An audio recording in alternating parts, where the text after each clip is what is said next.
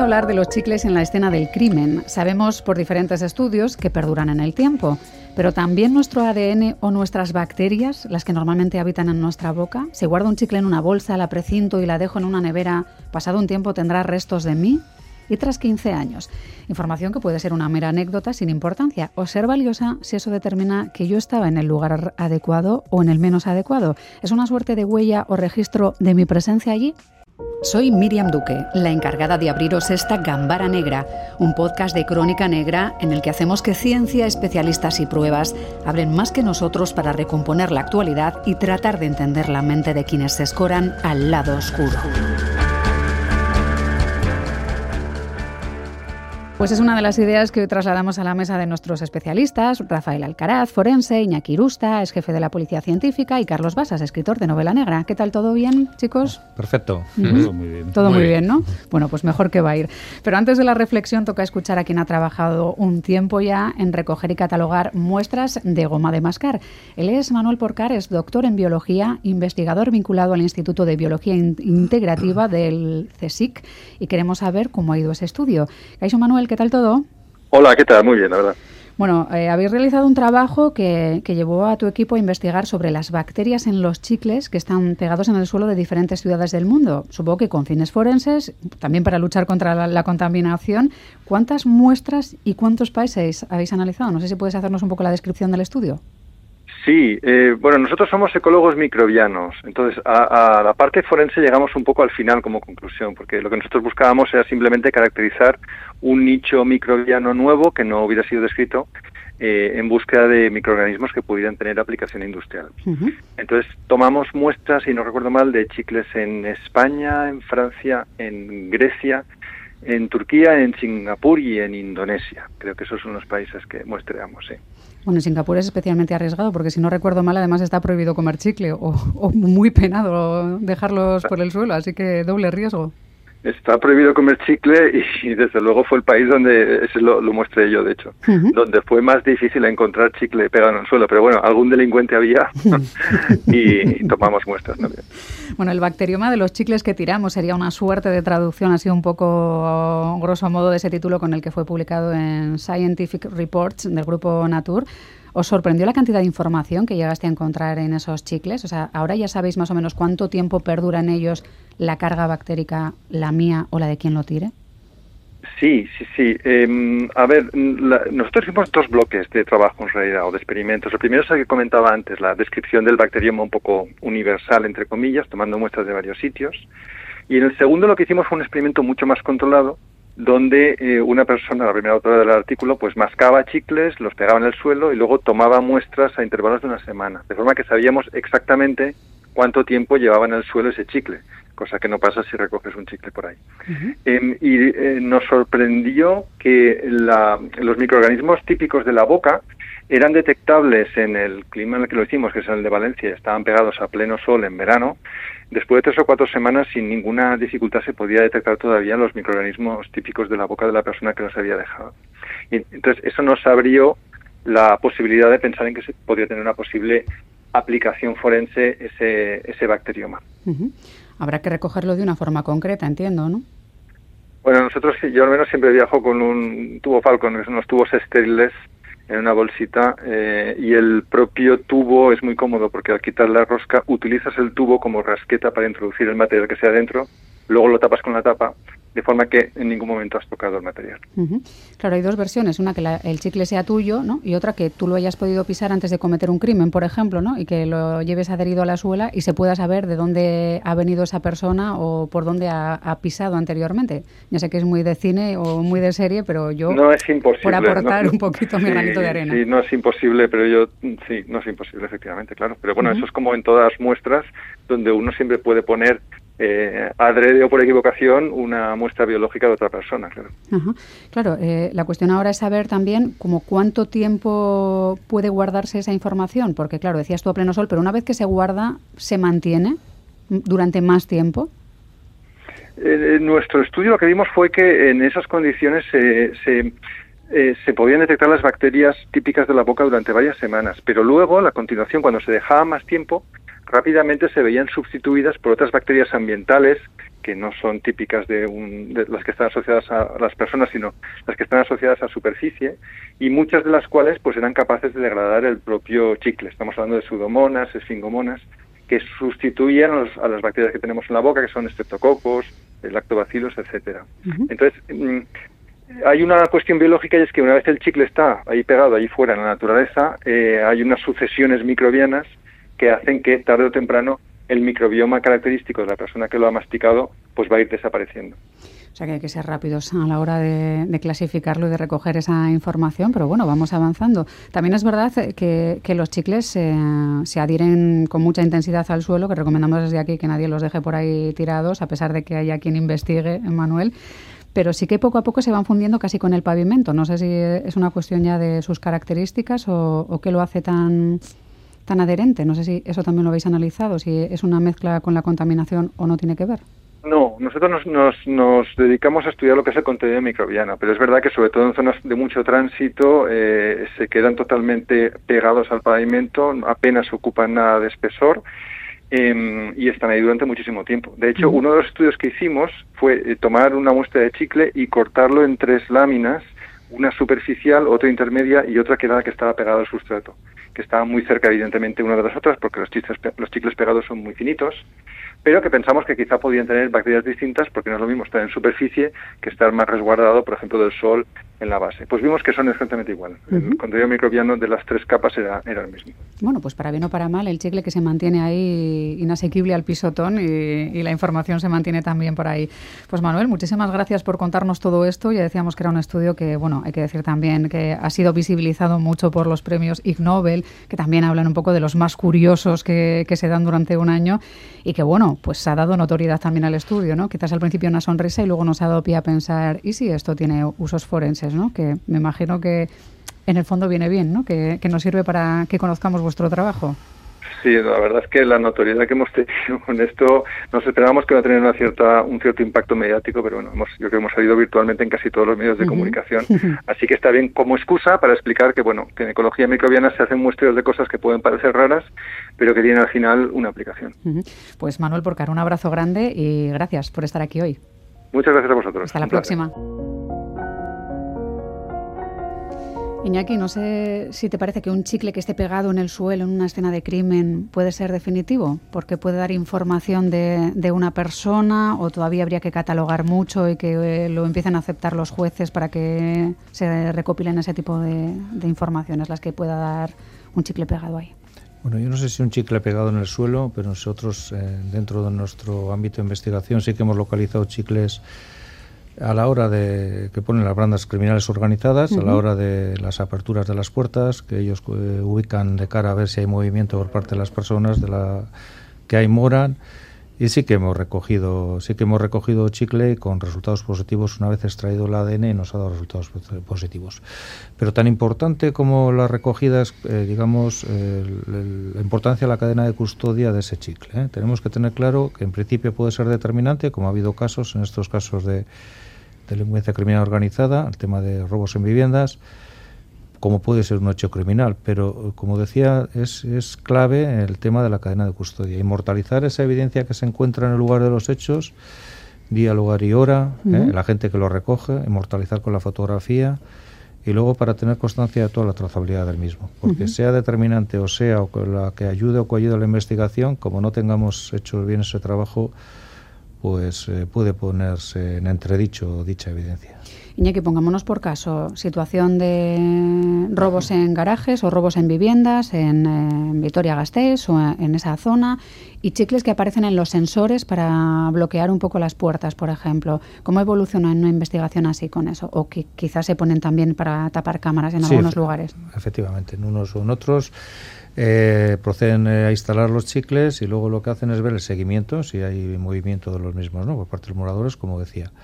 En ese momento lo que tenemos que hacer es recoger con unas eh, piezas estériles el mismo, en unos tubos, como decía antes el compañero, nosotros tenemos pues, tubos de vidrio rígidos que recogemos, no tiene que haber contacto de nosotros con el elemento y luego trasladar al laboratorio. Pero siempre, siempre con la cadena de custodia, que es la clave en estas investigaciones. Pero no solamente para el chicle, sino para todas las evidencias. Claro, que está bien, seguramente Carlos está pensando lo mismo que yo. Cada vez eh, parece que se fuma menos, porque claro, para nosotros seguramente es más fácil pensar en colillas que se recogen en un lugar en el que se ha producido un robo o una agresión. Pero claro, cada vez en teoría se fuma menos, se comen más chupachuses o se toman más chicles. Igual hay que afianzar por ahí un poco ¿no? el recoger pruebas, ¿no? nos han dado juego todas. nos han dado juego las colillas en su época, lógicamente. Las colillas nos daban un trabajo inmenso con el tema de los ceniceros de los vehículos para llegar a terminar, las colillas en los escenarios, las colillas en el tema de espera en hecho criminal. Nos ha dado juego el tema de los chupachuses, los palos chupachuses y nos ha dado juego los chicles y ahora pues últimamente pues ya están con las espátulas estas que colocan, incluso ya con los hilos que colocan en las puertas. Ellos tienen conocimiento de, de dónde extraemos los ADN, lógicamente, cuando son detenidos en el acto de juicio oral, pues yo creo que se comenta todo eh, desde mi punto de vista hasta en exceso y bueno pues tienen conocimiento y buscan técnicas más eh, Alguno cometerá un error, Iñaki, porque por más que digas que no hay que chupar los bolis, la gente los chupa. O sea, que en algún momento alguno ¿eh? se dejará un boli. La, tensión, la adrenalina, no sé qué pasa, pues la gente se descuida. No hay crimen perfecto ni hecho perfecto. O sea, Carlos, vete barajando. no cerramos la vete barajando lo del chicle que aparece en el lugar del crimen. Sí, lo, divertido es, como decíais antes, en, Hollywood, en las grandes películas, etcétera, incluso en las novelas, pero más en el cine, el cigarrillo era como el, gran símbolo, ¿no? Hay mm. recogida de colilla la escena del crimen. Si os fijáis, además, hay, un momento determinado en, Hollywood en el que el cigarrillo pasa de ser ensalzado eh, es decir, lo fuman los héroes, lo fuman la gente guay, pasa de ser ensalzado a criminalizado. Y a partir de ese momento el cigarrillo se convierte en el símbolo del malo y en el símbolo de eh, la recogida en la escena del crimen de, esa colilla. es, como muy sociológico. Mm, a partir de que las grandes empresas multinacionales del cigarrillo son criminalizadas, eh, Hollywood responde a eso, sus estrellas dejan de fumar y el cigarrillo aparece eh, como símbolo del criminal. ¿no? Es, muy curioso. El día de mañana, cuando hablemos de que eh, los chupachups que llevan demasiado azúcar o, u otro tipo de elementos, pues esas cosas se incorporan, aunque os parezca mentir al, universo de la, de la, ficción, porque en, muchos casos es una forma de concienciar también a, a, la gente. ¿no? O sea, el hecho de que se dejara de Humphrey Bogart dejara de fumar, por decirlo de algún modo, en el cine hizo que el consumo de tabaco se redujera. No drásticamente, pero sí en, cierta parte. ¿no? Yo me estoy imaginando la escena en que entra la policía en la película, por ejemplo, y recoge dos copas con eh, muestras de carmín, eh, del cenicero una colilla y del otro lado un palito de chupa chup. ¿no? Igual pierde un poco de épica, pero es verdad que vamos profundizando en todo esto.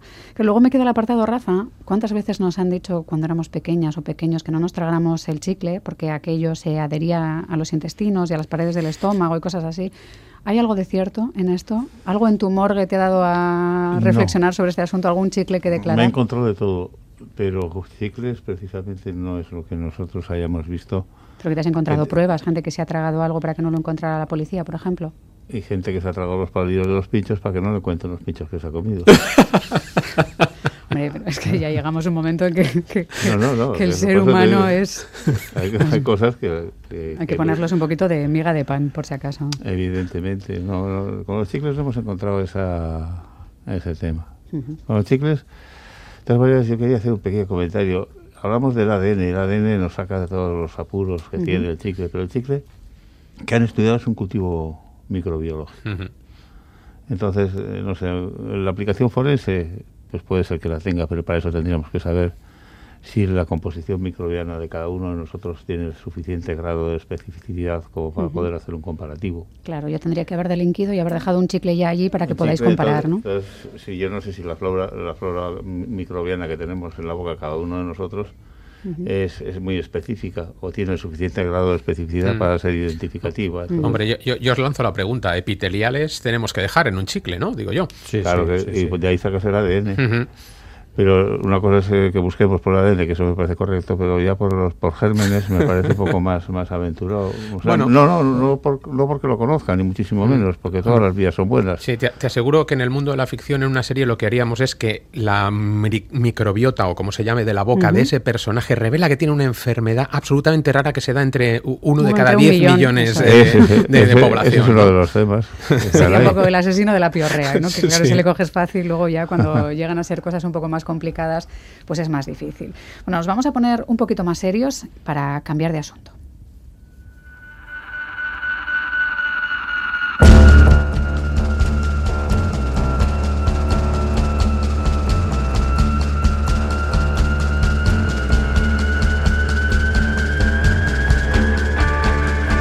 Hablamos ahora de un crimen que nos impactó profundamente hace dos años. Eh, todo comenzaba cuando una mujer de Castro Urdiales denunciaba que en una caja que le guardaba en el trastero a una amiga habían localizado lo que parecía una cabeza humana. Las investigaciones y pesquisas forenses evidenciaron que se trataba de restos de Jesús María Baranda, un jubilado vizcaíno cuyos familiares llevaban tiempo sin ver ni poder localizar. Su hasta entonces pareja fue detenida como principal sospechosa. Carmen Merino lleva dos años en prisión provisional. Va a conocer los delitos a los que se enfrenta. Un juzgado popular se encargará de juzgarla. Viajamos con Mayalen Galparsoro a septiembre de 2019. Seguro que recuerdan el caso. La cabeza de Jesús Mari Baranda, un jubilado vizcaíno de 67 años, apareció en una caja en Castro. La encontró una amiga de su novia, Carmen Merino. Ella se convirtió enseguida en la principal sospechosa. Ella le había entregado la caja en marzo. Llevaban juntos siete años y, según la investigación, habría cometido los hechos de manera premeditada. Se inventó una historia sobre su desaparición, llegando incluso a enviar mensajes a la familia en nombre del fallecido, diciendo que estaba de viaje. Ella, vamos, dijo que había ido de vacaciones a Galicia. Cuando vino de Galicia, que había marchado a, a la práctica de Munguía, por ahí, que un amigo que tenía un chalet bueno, pues nosotros no lo creímos, pero ya llevábamos un tiempo, un tiempo que pasaba, que pasaba, y mandaba algún mensaje, unos mensajes muy raros. Tras la aparición de la cabeza, Carmen Merino ingresa en prisión unos días después. Se cree que Jesús Mari pudo haber muerto en febrero de ese mismo año. Ella niega las acusaciones y en su hasta ahora única declaración declaró que ella no había tenido nada que ver, que su relación era maravillosa y que se querían muchísimo. Dos años después, Carmen Merino sigue en prisión y, por cierto, del resto del cuerpo todavía ni rastro. Fue una de las cuestiones que valoramos en su momento, Rafa, eh, porque se habló de sicarios, se habló de la posibilidad de que hubiera tenido ayuda, de que fueran apareciendo restos, pero se peinó y se peinó la zona y no volvieron a aparecer al menos grandes restos que, que evidenciaran o que se pudiese llegar a deducir que sí había habido ayuda exterior realmente parece que actuó sola, o eso creen los investigadores, y, no ha perdido mucho los nervios en este tiempo. No, es una actitud que está dentro de lo normal. Eh, eh, comete o presuntamente comete un acto y evidentemente lo niega.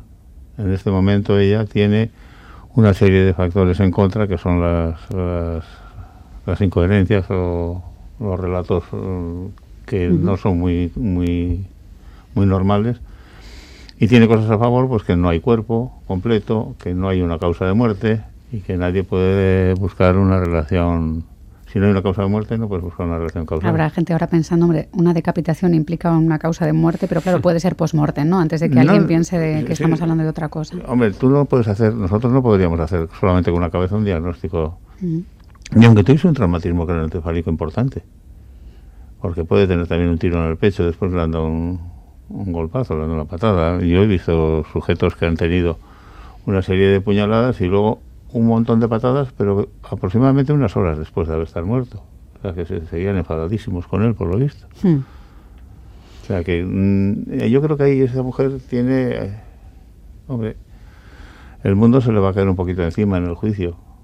Pero aún ya sí, hmm. la, la actitud de ella entre comillas, desde el punto de vista de un acusado es la correcta, es decir, no admitir bajo ningún concepto que ha sido la causante de la muerte de esta persona. Iñaki, es lo habitual que pasadas, porque me imagino que se le habrá bueno, pues pedido que, que presente testimonio, se le habrá interrogado en multitud de ocasiones. Es normal que en dos años no se pierdan los nervios, que alguien se mantenga así, supongo que también va con, el ser, con cada ser humano, ¿no? Pero es curioso. Bueno, debe tener también hechos, eh, antecedentes, temas de estafas y demás, demás cuestiones. Por lo tanto, no es algo novedoso que hace. O sea, que a mantener los nervios también se aprende. Sí, eso se aprende. Sí, al final, eh, como bien decía Rafa, ah, bien tiene elementos favorables, pero estoy seguro, no tengo datos de la investigación, pero seguro que por mucho que haya limpiado la vivienda, como creo que así lo hizo con la señora y demás, algún elemento biológico resto dentro de la misma seguro que lo ha localizado, como nosotros mismos en varios casos en los cuales han procedido hechos similares, independientemente de que ya la ha limpiado, pues luego hemos localizado ADNs y demás en esa vivienda. Algo habrá, luego están temas los teléfonos, hay muchos, dentro de una línea de investigación hay muchas vías, por lo tanto, Cuando lo han mantenido dos años en prisión, pues tendrán algunas bases más que sólidas de cara para, para mantenerlo. Luego, si se derrumba o no, ya veremos el acto de juicio oral. Sí, bueno, pues ahora sabe que será juzgada por el Tribunal Popular eh, al ser, bueno, pues objeto de investigación por un presunto homicidio. Se suma también un supuesto delito de encubrimiento, porque además se cree que orquestó la historia cuando vio que el, entorno de esta persona llamaba, preguntaba y insistía mucho tratando de localizarle, ¿no? Porque ya empezó a enviar mensajes. Digamos que se vio un poco acosada y tuvo que poner en marcha el este tema del cráneo, porque Mm. si tú te deshaces de todo el cuerpo, para, como parece ser, hasta que ella no tiene conocimiento de que se va a proceder a realizar una inspección en su vivienda, no se deshace el cráneo de la vivienda de la amiga, ¿no? Entonces, pues es un tema que, que como trofeo, pues no sabemos. que- Pues eh, o yo creo que fetiche, la, no sé la- psicopatía no tiene género. No sé. Ujú. Habéis hablado de un concepto, el concepto fetiche, y de eso vamos a hablar en los próximos minutos.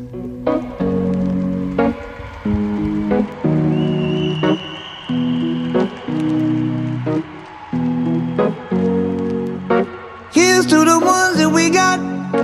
Cheers to the wish you were here, but you're not, cause the drinks bring back abrimos, Carlos Basas, una ventana a versiones negras que a veces nos deja la vida en este basado en hechos reales. Eh, a lo largo del programa vamos a hablar y, y hablaremos también con posterioridad del BDSM, práctica que está en los manuales de Sadomaso y responde a las iniciales de bondage, disciplina, dominación, sumisión, masoquismo y que nos ha hecho llegar aquí, bueno, pues eh, lo que ocurrió en Malasaña, ya pasados unos días, que no tenemos que analizar por qué se llevó por esos derroteros, qué fue lo que pasó realmente y por qué se dijo otra cosa, sino que vamos a hablar un poco de esas prácticas, ¿verdad? De permitir que otro te corte el cuerpo dentro de, unos parámetros de relación en principio consentida. Sí, y, adentrándonos en ese mundo, para mucha gente eh, oscuro en cuanto desconocido, es decir, rechazado en cuanto a, a desconocido, y muy relacionado también en la ficción criminal con, con determinadas novelas, películas, etcétera, ¿no? Eh, vamos a hablar de un caso real eh, que dio lugar a una serie de tres episodios que grabó la CBS y la productora de Sundance Now, que es el, el caso del asesinato de Elaine O'Hara. Eh, esa miniserie se tituló Secretos de un psicópata. Y narra la historia real, verdadera, de uno de los crímenes que más conmocionó a, a Irlanda en el año 2012. ¿no? Eh, Elaine eh, O'Hara era una trabajadora infantil eh, que tenía cierto desorden de la personalidad y que tras una larga estancia en el hospital, nunca aclarada, es decir, no sabemos por qué pasó esa, temporada larga, sale y nada más salir inicia una relación a través de móvil, sobre todo vía WhatsApp, con un desconocido. Una relación absolutamente basada en la dominación. Ella era la esclava, el otro era el, el amo, era su señor, así se referían entre ambos, ¿no? Señor, esclava. Y al cabo de un año de tener esta relación que fue cada vez eh, eh, hacia derroteros más oscuros, Incluso hablando de, asesinato, de me gustaría apuñalarte, si alguna vez quieres morir, prométeme mm, que puedo hacerlo, que puedo matarte, etcétera. Eh, al año de esa relación, ella desaparece. Desaparece, su familia evidentemente se preocupa y, eh, pues bueno, empieza la búsqueda, pero mm, no se sabe nada más de Elaine hasta un año después, cuando eh, por, una, por una doble vía un pescador encuentra en un río gran cantidad de material eh, para el bondage, para el BDSM flotando y no muy lejos de Por allí si alguien no sabe de qué hablamos, hablamos de esposas, hablamos de látigos, máscaras, de máscaras. todo mm. ese tipo de, de- de cosas que la gente se puede imaginar, ¿no? Y otro, o- o- otro paseante que va por un eh, camino rural a las afueras de Dublín, no muy lejos de allí, encuentra una mandíbula, una mandíbula sobresaliendo de la, de la tierra. Empieza la investigación, es, eh, a través de esa mandíbula se identifica que efectivamente es el cadáver de, Elaine y eh, se descubre que además de esta relación vía WhatsApp que ha tenido en el último año, ella tuvo anteriormente una relación con eh, un señor que se llamaba Dwyer, se apellidaba Dwyer, Graham Dwyer, que era un arquitecto de 42 años, un padre de familia, y este dato es no para criminalizar, pero sino porque se, se aporta en la investigación, un amante del aeromodelismo.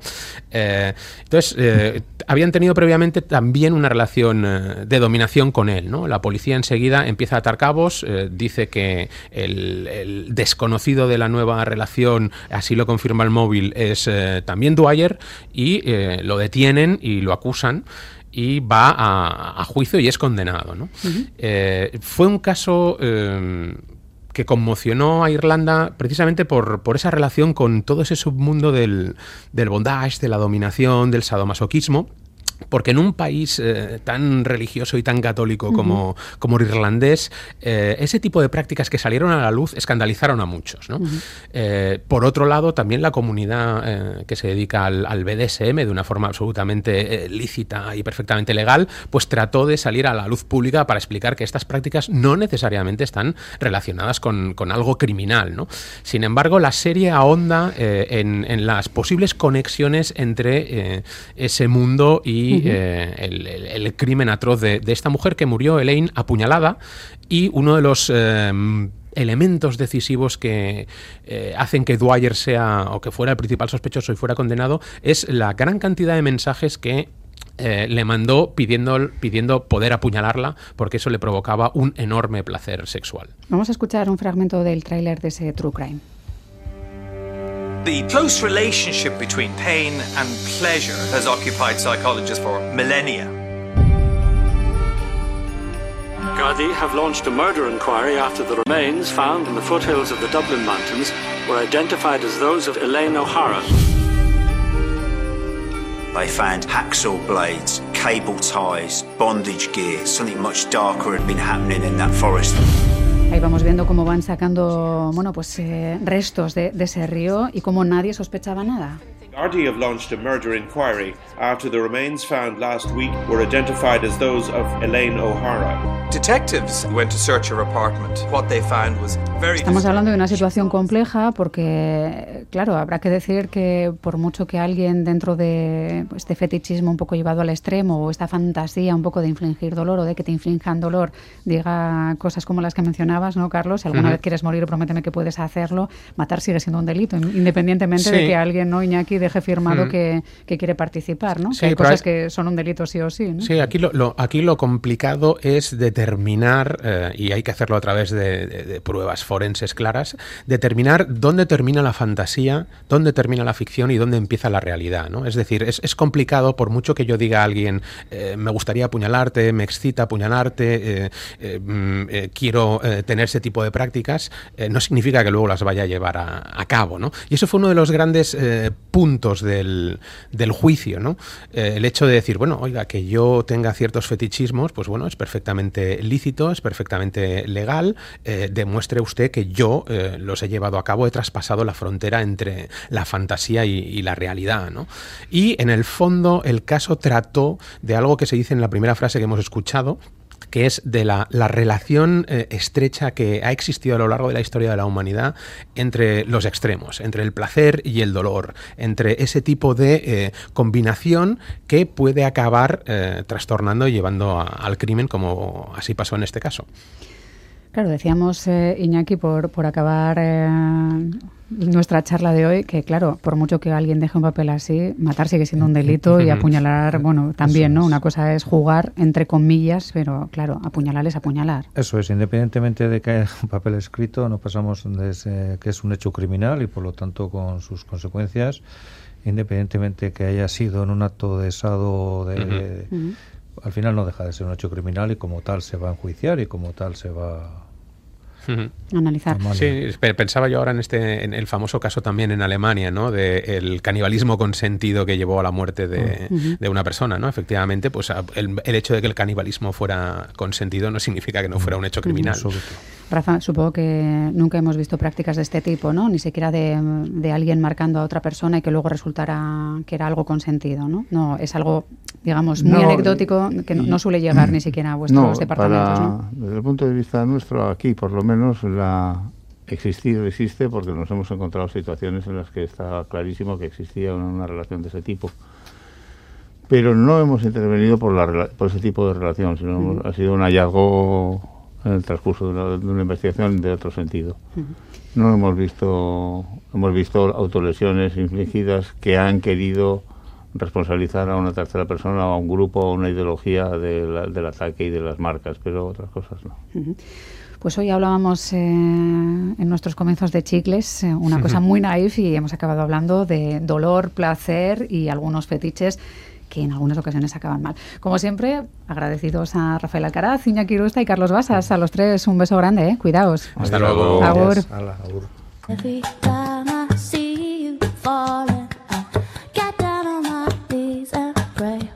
Dolor y placer, tabúes y un concepto como el fetichismo que la sociedad no siempre entiende. Tanto es así que hace unas semanas en Malasaña querer mantener oculta una práctica de este tipo desató la confusión, la denuncia falsa, tras bueno, lo que parecía un punto de no retorno y cruces de acusaciones y polémicas. Apartemos eso y volvamos a la esencia de lo que hoy queremos analizar, al hecho de que hay personas que disfrutan sintiendo dolor, que dejar que otro marque tu cuerpo o alguna parte de tu cuerpo con un objeto punzante, si es consentido, forma parte de un grupo de prácticas denominadas BDSM, bondad, disciplina y dominación, sumisión y sadismo, masoquismo, de los que sabemos muy poco o poquísimo porque la mayoría sentimos dolor cuando nos vemos en una situación así y lejos del placer, bueno, pues solemos sentir cierto temor o no entendemos a quienes forman parte de esa cultura.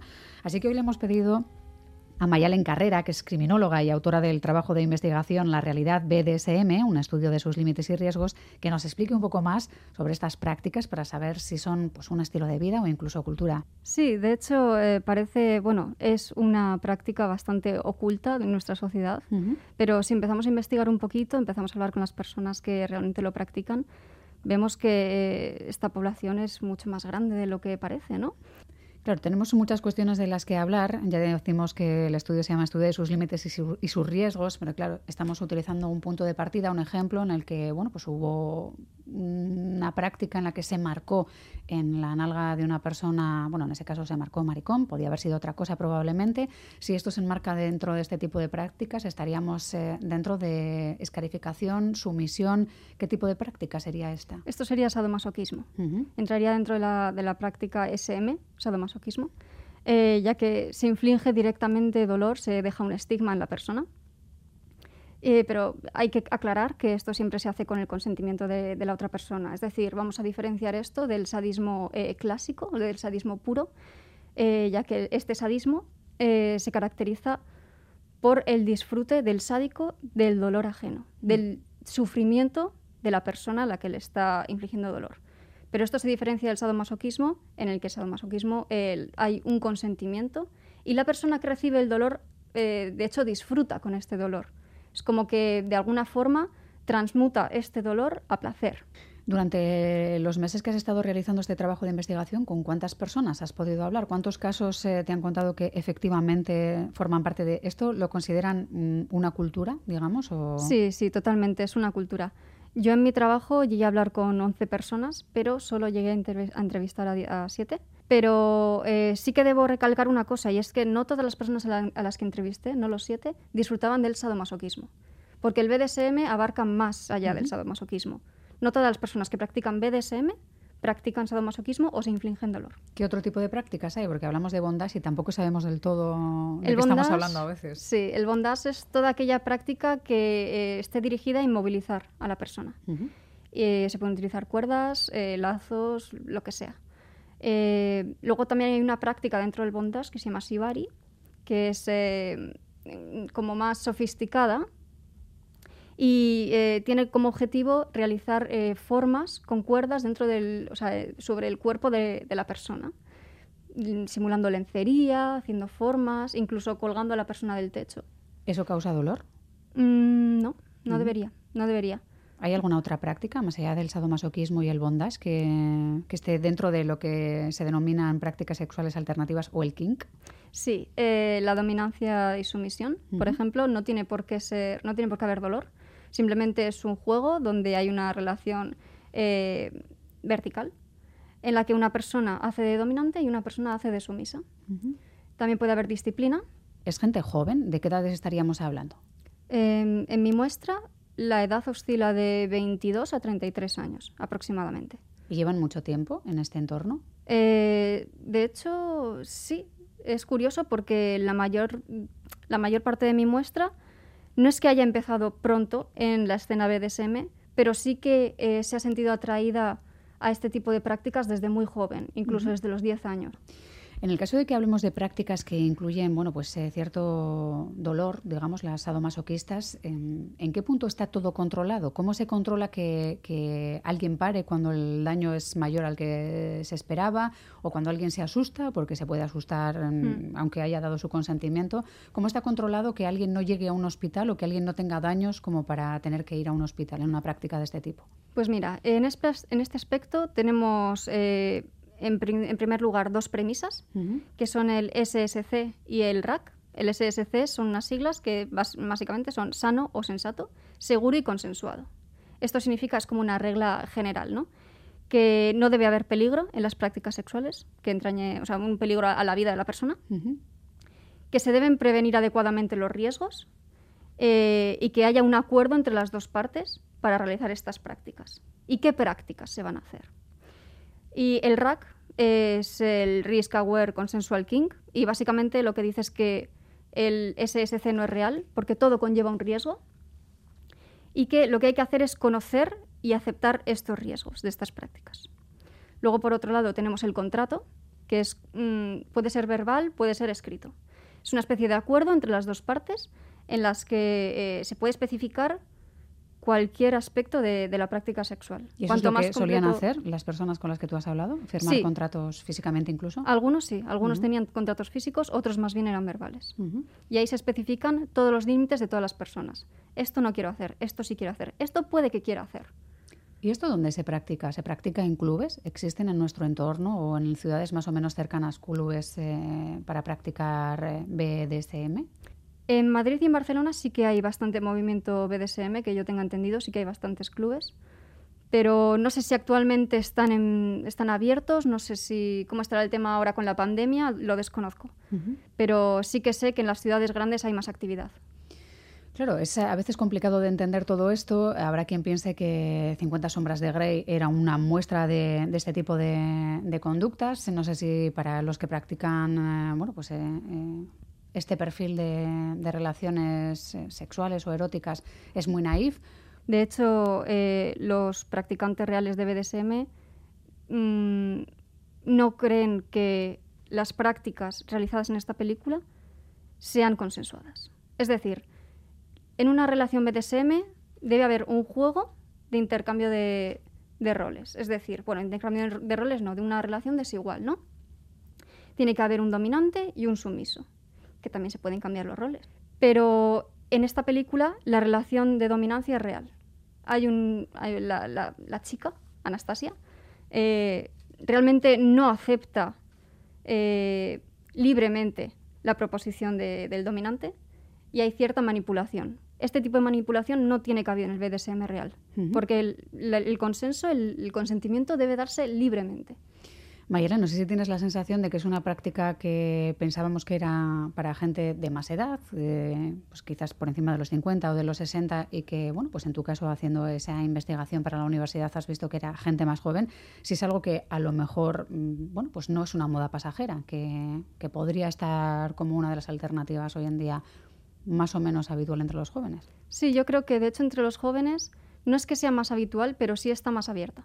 Es decir, los jóvenes son más abiertos a hablar de, este tema y, a poder compartir sus experiencias y a que esto llegue a más personas, porque realmente uno de los objetivos de, mi trabajo, que esto se abra al público y que la, población general pues olvide este estigma, ¿no? olvide que es un tabú y, lo vea como algo más natural. Pero eh, es, natural porque requiere, a efectos de parafernalia, digamos, o de estética, requiere hmm. mucho más, eh, bueno, pues eh, hablábamos hace un momento, requiere pues cuero, máscaras, bueno, hay mucha, mucho más material del que puede requerir el sexo más normal, que para ellos, como lo llaman, en las prácticas vainilla, ¿no? Sí, exacto, sexo vainilla. Entonces, no sé si es tan natural cuando hace falta tanta Quiero parafernalia a su alrededor no hace falta. Es decir, viene bien, es bonito, crea una estética muy agradable y muy...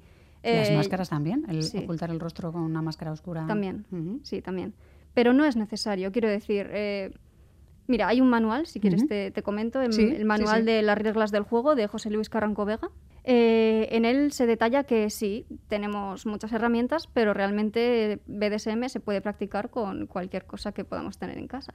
Es decir, si quieres cuerdas, si vas a hacer bondage, si vas a eh, movilizar a la persona, debes utilizar cuerdas que no quemen la, piel de, la persona.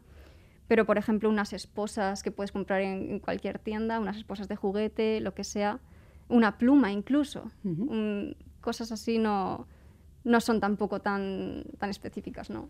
Pues agradecemos mucho a Mayalen Carrera, que es eh, criminóloga, autora del trabajo de investigación La realidad en BDSM, un estudio de sus límites y sus riesgos, que haya estado con nosotros hoy aquí. Es que ricasco. ¿eh? Gracias a vosotros. Un abrazo. Agur.